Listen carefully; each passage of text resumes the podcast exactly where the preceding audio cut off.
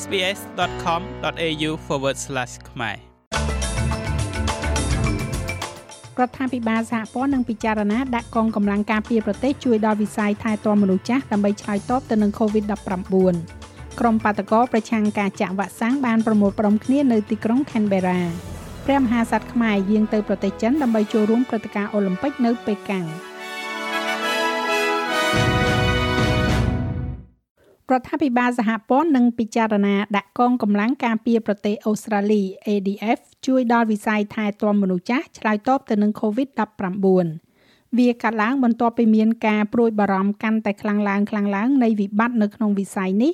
និងរបាយការណ៍ដែលថាអ្នករស់នៅក្នុងមណ្ឌលមើលថែទាំមនុស្សចាស់ជិត800នាក់បានស្លាប់ដោយសារ COVID-19 ចាប់តាំងពីថ្ងៃទី1ខែកក្កដាឆ្នាំ2021មក ក្រុមការងារថ្មីមួយរបស់រដ្ឋាភិបាលសហព័ន្ធត្រូវបានណែនាំឡើងកាលពីថ្ងៃប្រហ័សដោយរដ្ឋមន្ត្រីក្រសួងសុខាភិបាលលោក Greg Hunt ដែលត្រូវប្រមូលទិន្នន័យស្ដីពីស្ថានភាពនៃការចាក់វ៉ាក់សាំងរបស់អ្នកដែលបានស្លាប់ទៅរដ្ឋមន្ត្រីការពារជាតិសហព័ន្ធលោក Peter Dutton បានប្រាប់បណ្ដាញទូរទស្សន៍ប៉ុស្តិ៍លេខ9ថាពួកគេនឹងធ្វើនៅអ្វីដែលចាំបាច់ There's no limit on វាគ្មានដែនកំណត់លើអ្វីដែលយើងត្រៀមវិនិយោគនៅទីនេះដើម្បីធ្វើឲ្យស្ថានភាពអាក្រក់បានប្រសើរឡើងការលំបាកនោះគឺថាអូមីក្រុងគឺជាមេរោគដែលកំណត់គោលដៅមកលើមនុស្សចាស់មានរបាយការណ៍មួយចំនួនដែលបង្ហាញថាមានករណីជាច្រើនកើតឡើងនៅក្នុងមណ្ឌលថែទាំមនុស្សចាស់ដែលផ្ទុយពីការនិយាយកាលពី18ខែមុនដែលថាវាមានសភាពស្រាលជាងតែជាបទពិសោធន៍ក្នុងសហគមន៍ទូលំទូលាយជាងនេះ ប៉ូលីសនៅ ACT បានចំណាយពេលមួយព្រឹកក្នុងគោលបំណងបំបែកក្រុមបាតកោប្រឆាំងការចាក់វ៉ាក់សាំងដែលបានប្រមូលផ្ដុំគ្នានៅទីក្រុង Canberra ក្រុមមនុស្សមួយក្រុមធំដែលមានទាំងរថយន្តនិងឡានដឹកទំនិញជាច្រើនគ្រឿងបានបោះជំរុញនៅខាងក្រៅបណ្ណាល័យជាតិបន្ទាប់មកមានក្បួនធ្វើដំណើរទៅកាន់ទីក្រុង Canberra ដើម្បីតវ៉ាចំពោះការចាក់វ៉ាក់សាំងជាកំហិតនិងនៅមុនការធ្វើបាតកម្មដែលគ្រោងទុករយៈពេលមួយសប្តាហ៍ប្រឆាំងទៅនឹងវិធានច្បាប់ COVID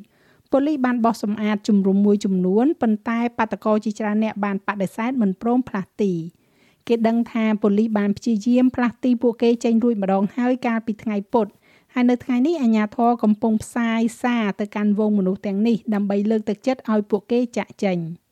ACT policing support your right ប៉ូលីស ACT គ្រប់គ្រងសិទ្ធិរបស់អ្នកក្នុងការបន្តការតវ៉ាដោយសន្តិវិធីនៅទីតាំងនេះទោះជាយ៉ាងណាក៏ដោយយានជំនិះទាំងអស់ ការបោះជំរំតង់និងឧបករណ៍ពាក់ព័ន្ធត្រូវតែដកចេញក្នុងរយៈពេល1ម៉ោង។មន្ត្រីសុខាភិបាលរដ្ឋ Queensland និយាយថាវាទំនងហាក់ដូចជារដ្ឋនេះបានឆ្លងផុតកម្រិតខ្ពស់បំផុតនៃការឆ្លង COVID-19 របស់ខ្លួនហើយខណៈដែលនៅថ្ងៃនេះបានកត់ត្រាករណីឆ្លងថ្មីចំនួន6857ករណីនិងស្លាប់13នាក់ប្រធានមន្ត្រីសុខាភិបាលលោកវិជ្ជបណ្ឌិត John Jarrett និយាយថាអ្វីអ្វីដំណើរការយឺតយឺតប៉ុន្តែច្បាស់ណាស់ថាវាកំពុងតែដើរទៅមុខហើយឆ្លងផុតចំណុចកំពូលហើយ។លោកថាដោយសារតែហេតុថាមិនមែនអ្នកវិជ្ជមានទាំងអស់សុទ្ធតែត្រូវបានកំណត់អត្តសញ្ញាណដោយការធ្វើតេស្តរហ័សឬក៏ PCR នោះទេប៉ុន្តែការចូលសម្រាប់ព្យាបាលក្នុងមន្ទីរពេទ្យគឺជាសញ្ញាសម្គាល់ដ៏មានប្រយោជន៍ដែលអាចបញ្ជាក់អំពីទីតាំងរបស់រដ្ឋ Queensland នៅក្នុងโรงរាតត្បាតនេះ លោកនិយាយទៀតថាពួកគេពិនិត្យមើលការសម្រាប់ព្យាបាលនៅមន្ទីរពេទ្យនិងទិន្នន័យជាច្រើនផ្សេងទៀតដើម្បីធ្វើការវិតម្លៃ។ The other useful markers we look at are things សញ្ញាសម្គាល់ដែលមានប្រយោជន៍ផ្សេងទៀតដែលយើងមើលគឺមានដូចជាភាគរយនៃការធ្វើតេស្តវិជ្ជមានដែលកំពុងធ្លាក់ចុះយឺតៗនៅទូទាំងរដ្ឋអវត្តមានក្នុងកន្លែងធ្វើការដូចជាកម្លាំងប៉ូលីសការថែទាំសុខភាពសេវាសង្គ្រោះបន្ទាន់ខាងភស្តុភារទាំងអស់នេះកំពុងតែធ្លាក់ចុះនៅរដ្ឋ Queensland ។ នៅរដ្ឋអូស្ត្រាលីខាងត្បូងបានប្រកាសថាជាមួយនឹងចំនួននៃការឆ្លង COVID-19 មានការថយចុះរដ្ឋនេះនឹងបន្ធូរបន្ថយការរឹតបន្តឹងបន្ថែមទៀតដែលនឹងប្រកាសនៅសប្តាហ៍ក្រោយវាកើតឡើងនៅពេលដែលរដ្ឋនេះកត់ត្រាករណីស្លាប់ចំនួន3អ្នកបន្ថែមទៀតនិងមនុស្ស220អ្នកនៅក្នុងមន្ទីរពេទ្យលោកអភិបាលរដ្ឋ Steven Marshall មានប្រសាសន៍ថាគណៈពេលដែលនឹងមានការបន្ធូរបន្ថយការរឹតបន្តឹងសំខាន់ៗនៅក្នុងរយៈពេលប្រមាណសប្តាហ៍ខាងមុខនេះ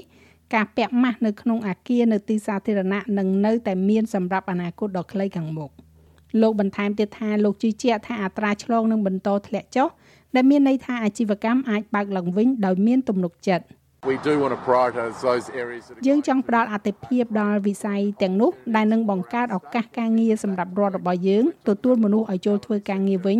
ដូច្នេះយើងកំពុងនិយាយអំពីវិស័យបដិសណ្ឋារកិច្ចវិស័យទេសចរខាងហាត់ប្រាណ វាគឺជាវិស័យ3ដែលរងការប៉ះពាល់ខ្លាំងបំផុតនៅឯរដ្ឋ New South Wales វិញលោកអភិបាលរដ្ឋ Dominic Perrottet មានប្រសាសន៍ថាចំនួនប្រជាជនដែលផ្ទុក COVID-19 នៅក្នុងមន្ទីរពេទ្យកំពុងតែធ្លាក់ចុះបច្ចុប្បន្នមានអ្នកជំងឺចំនួន2494នាក់កំពុងសម្រាប់ព្យាបាលក្នុងមន្ទីរពេទ្យដោយ160នាក់ស្ថិតក្នុងបន្ទប់ ICU ចំនួនអ្នកស្លាប់ដោយសារ COVID-19 ថ្ងៃនេះចំនួន31នាក់និងឆ្លងថ្មីចំនួន1,698ករណី នៅរដ្ឋ Victoria ក៏រាយការណ៍ពីការស្លាប់ចំនួន36នាក់និងករណីឆ្លងថ្មីចំនួន11,240ករណីមនុស្ស707នាក់កំពុងសម្រាកព្យាបាលនៅមន្ទីរពេទ្យដោយ79នាក់នៅក្នុងបន្ទប់ ICU និង29នាក់ត្រូវការម៉ាស៊ីនខ្យល់ជំនួយដង្ហើម។នៅរដ្ឋ Tasmania វិញមិនមានការកត់ត្រាករណីស្លាប់ថ្មីដោយសារ COVID-19 ទេប៉ុន្តែមានករណីឆ្លងថ្មី570ករណី 13អ្នកស្ថិតនៅក្នុងមន្ទីរពេទ្យដោយ2អ្នកស្ថិតនៅក្នុងបន្ទប់ ICU 73ភាគ4នៃអ្នកដែលស្លាប់ដោយសារ COVID-19 នៅក្នុងប្រទេសអូស្ត្រាលីសុទ្ធតែមានបញ្ហាសុខភាពពីមុនមកនេះបើតាមលោកសាស្ត្រាចារ្យ Paul Kelly ប្រធានមន្ត្រីសុខាភិបាលសហព័ន្ធដែលបានប្រាប់សាវនាការសភាថា71.2%នៃមនុស្សទាំងអស់ដែលបានស្លាប់ដោយសារ COVID រហូតដល់ខែតុលាឆ្នាំមុនគឺកំពុងតែប្រយុទ្ធតស៊ូទៅនឹងស្ថានភាពសុខភាពដែលមានស្រាប់ លោកសាស្ត្រាចារ្យ Kelly និយាយទៀតថាការវិភាគត្រូវបានធ្វើទៅលើទិន្នន័យរហូតដល់ចុងខែតុលាឆ្នាំមុននិងមិនរាប់បញ្ចូលការស្លាប់បន្ទាប់ពីការចាប់ផ្ដើមការផ្ទុះឡើងនៃអូមីក្រុងកាលពីចុងឆ្នាំនោះទេ។ What I can say is the most common អ្វីដែលខ្ញុំអាចនិយាយបានថាជំងឺរួមផ្សំទូទៅបំផុតគឺជំងឺទឹកនោមផ្អែមហើយជំងឺទូទៅទី2នោះគឺជំងឺធាត់ជ្រុល ហើយនឹងជំងឺបេះដូងជំងឺសួតជំងឺសួតរ៉ាំរ៉ៃក៏មានកម្រិតខ្ពស់ផងដែរនៅក្នុងបញ្ជីនៃមូលហេតុនៅក្នុងក្រុមនោះនោះគឺជាមនុស្ស1600នាក់ដំបូងជាអ្នកស្លាប់នៅក្នុងโรគរាតត្បាតរហូតដល់ការបរិច្ឆេទខែតុលាឆ្នាំ2021នោះរហូតមកទល់នឹងពេលនេះមានអ្នកស្លាប់ដោយសារ COVID-19 ជាង3900នាក់ហើយគិតចាប់តាំងពីโรគរាតត្បាតបានចាប់ផ្ដើមមកដោយពាក់កណ្ដាលបានស្លាប់នៅក្នុងរយៈពេល2ខែចុងក្រោយនេះ ប្រធានសភាតំណាងរាស្ត្រអាមេរិកលោកស្រី Nancy Pelosi និយាយថាលោកស្រីគ្រប់គ្រងការប្រើទណ្ឌកម្មប្រឆាំងទៅនឹងរុស្ស៊ីប្រសិនបើពួកគេឈ្លានពានអ៊ុយក្រែន។គណៈពេលដែលសមាជិកសភាមួយចំនួនបានតស៊ូមតិនៅក្នុងការដាក់ទណ្ឌកម្មប្រឆាំងទៅនឹងរុស្ស៊ីមុនពេលការឈ្លានពានដែលអាចកើតមានឡើងនោះលោកស្រី Pelosi និយាយថាលោកស្រីចង់ឲ្យពួកគេអនុម័តពេលបន្ទាប់ពីនោះប្រសិនបើពួកគេឈ្លានពានអ៊ុយក្រែន លោកស្រីថាការឈឺចាប់នៃការដាក់ទណ្ឌកម្មត្រូវតែឈានទៅដល់បរិះអ្នកមានបំផុតក្នុងលោកគឺលោក Vladimir Putin ។គ្មាននរណាម្នាក់ដឹងថាលោកនឹងធ្វើអ្វីនោះទេលើកលែងតែខ្លួនលោកផ្ទាល់ហើយនោះហើយជាមូលហេតុដែលយើងត្រូវត្រៀមខ្លួនសម្រាប់អ្វីដែលអាចប៉ុន្តែខ្ញុំគិតថាវាត្រូវតែរងមាំគ្រប់គ្រាន់ដើម្បីឲ្យមានប្រសិទ្ធភាពវាត្រូវធ្វើបន្ទាប់ពីនោះប្រសិនបើពួកគេឈ្លានពានហើយវាត្រូវតែធ្វើដោយអនុលោមទៅតាមសម្ព័ន្ធមិត្តរបស់យើងដែលធ្វើការជាមួយគ្នា។ កម្ពុជានៅក្នុងឋានៈជាប្រធានអាស៊ានបានសម្រេចមិនអញ្ជើញរដ្ឋមន្ត្រីការបរទេសមីយ៉ាន់ម៉ាឲ្យមកចូលរួមកិច្ចប្រជុំចង្អៀតរដ្ឋមន្ត្រីការបរទេសអាស៊ាននាអំឡុងពាក់កណ្ដាលខែកុម្ភៈនេះទេទោះជាយ៉ាងណាមីយ៉ាន់ម៉ាអាចចាត់តំណាងដែលមានសមាជិកមិនពាក់ព័ន្ធនឹងនយោបាយមកចូលរួមកិច្ចប្រជុំនៅថ្ងៃទី16ដល់ថ្ងៃទី17ខែកុម្ភៈនេះបានការសម្រេចមិនអញ្ជើញមេដឹកនាំយោធាមីយ៉ាន់ម៉ានេះគឺមានការឯកភាពទាំងស្រុងពីសមាជិកអាស៊ានទាំង9 ចាលោកមេងផល្លានឹងជួនសេចក្តីរាយការណ៍លម្អិតនៅវគ្គក្រោយបន្ថែមទៀតឬលោកអ្នកអាចបើកស្ដាប់របាយការណ៍ពេញលើគេហទំព័រ sbs.com.au/ ខ្មែរការប្រឆាំងតវ៉ានឹងការរំលោភសិទ្ធិមនុស្សនៅក្នុងប្រទេសចិនកំពុងតែធ្វើឲ្យមានស្រមោលខ្មៅនៃពិធីបើកកីឡាអូឡ িম্প ិករដូវរងានៅទីក្រុងប៉េកាំងនៅយប់នេះប្រជាជនទីបេនិងអ្នកគាំទ្ររាប់រយនាក់ បានប្រមូលផ្ដុំគ្នានៅខាងក្រៅទីស្នាក់ការកណ្ដាលរបស់គណៈកម្មាធិការអូឡ িম্প ិកអន្តរជាតិនៅប្រទេសស្វីសដោយក្រវីបដាដែលមានសារដូចជាជួយសង្គ្រោះទីបេនិងគ្មានការប្រកួតទៀតទេហ្គេមរដូវរងានេះកំពុងតែតាក់ទាញនៅភាពចម្រូងចម្រាសជាសកលខណៈដែលពួកគេយកចិត្តទុកដាក់ទៅលើការប្រព្រឹត្តរបស់ម្ចាស់ផ្ទះចំពោះជនជាតិអ៊ុយហ្គើទីបេនិងជនជាតិភាគតិចដទៃទៀត។ ក្រមសិទ្ធិមនុស្សបានហៅព្រឹត្តិការណ៍នេះថាជាលបែងប្រឡាយពូជសាសន៍ខណៈដែលសហរដ្ឋអាមេរិកនិងប្រទេសផ្សេងទៀត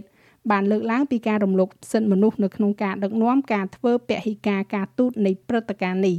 ដោយឡែកព្រះករណាព្រះបាទសម្ដេចព្រះបរមនាថនរោត្តមសីហមុនីព្រះមហាក្សត្រកម្ពុជាបានយាងទៅកាន់ប្រទេសចិនកាលពីម្សិលមិញនេះដើម្បីចូលរួមព្រឹត្តិការណ៍កីឡាអូឡ িম্প ិកនៅទីក្រុងប៉េកាំងនេះព្រះអង្គនឹងយាងមកមាតុភូមិវិញនៅថ្ងៃទី5ខែកុម្ភៈ ចំណែកឯអត្រាប្តូរប្រាក់វិញ1ដុល្លារអូស្ត្រាលីមានតម្លៃប្រមាណ71សេនដុល្លារអាមេរិកត្រូវនឹង2900រៀលប្រាក់រៀលខ្មែរ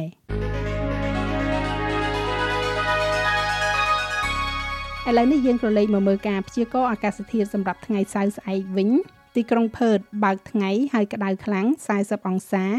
អាដាលេដភាគច្រើនបើកថ្ងៃ30អង្សាដូចគ្នានៅមែលប៊ន27អង្សាហូបាតមានពពក20អង្សា Canberra មានពពកដោយពេល21អង្សា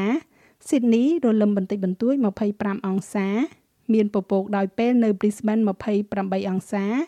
ទីក្រុង Cairns និង Darwin សុទ្ធតែមានរលឹមអាចនឹងមានព្យុះ30អង្សា ទីក្រុងភ្នំពេញមានពពកដោយពេល34អង្សា